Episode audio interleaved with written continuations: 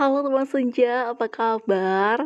Kembali lagi di episode formal versus informal ya. Pada episode kali ini ya, saya akan membahas satu kosakata yang biasa dipakai dalam konteks yang informal.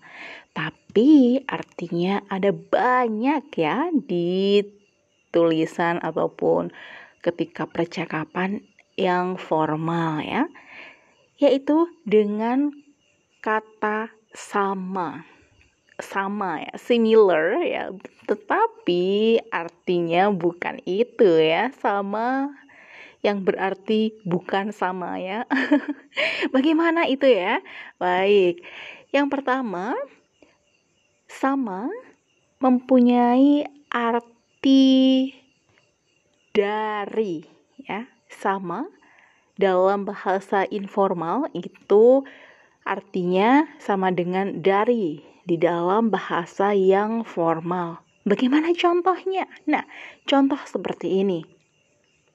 Hari ini saya sudah meminjam novel sama temanku. Oke ya.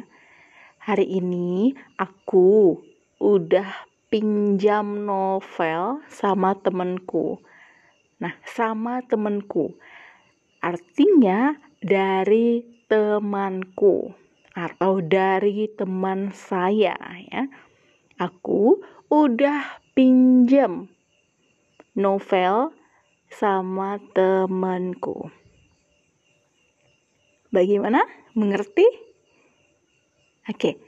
Sekarang coba kamu buat satu contoh dengan sama yang artinya dari.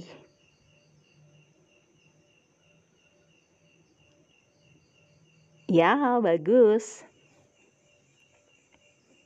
Selanjutnya yang kedua ya, sama itu artinya adalah kepada. Ya kepada.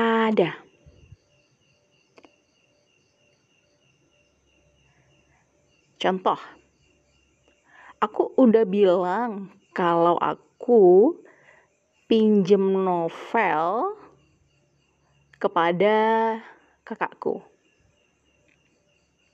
Aku udah bilang kalau aku pinjem novel sama kakakku ya. Sama kakakku itu artinya kepada kakakku. Kepada kakak saya. Sekarang giliran kamu coba buat satu kalimat dengan kata sama yang artinya kepada.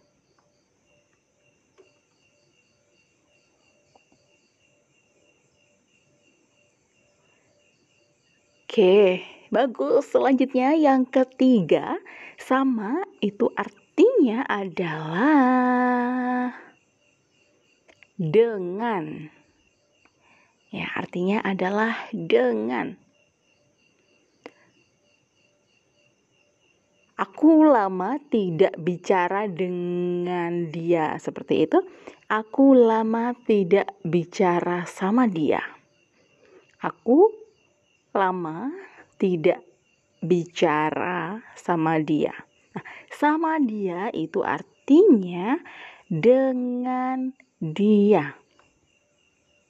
Baik, sama dia ya, bukan similar ya, tetapi dengan dengan dia. Sekarang giliran kamu, coba buat satu contoh tentang kalimat lain ya dengan kalimat lain menggunakan kosakata sama yang artinya adalah dengan.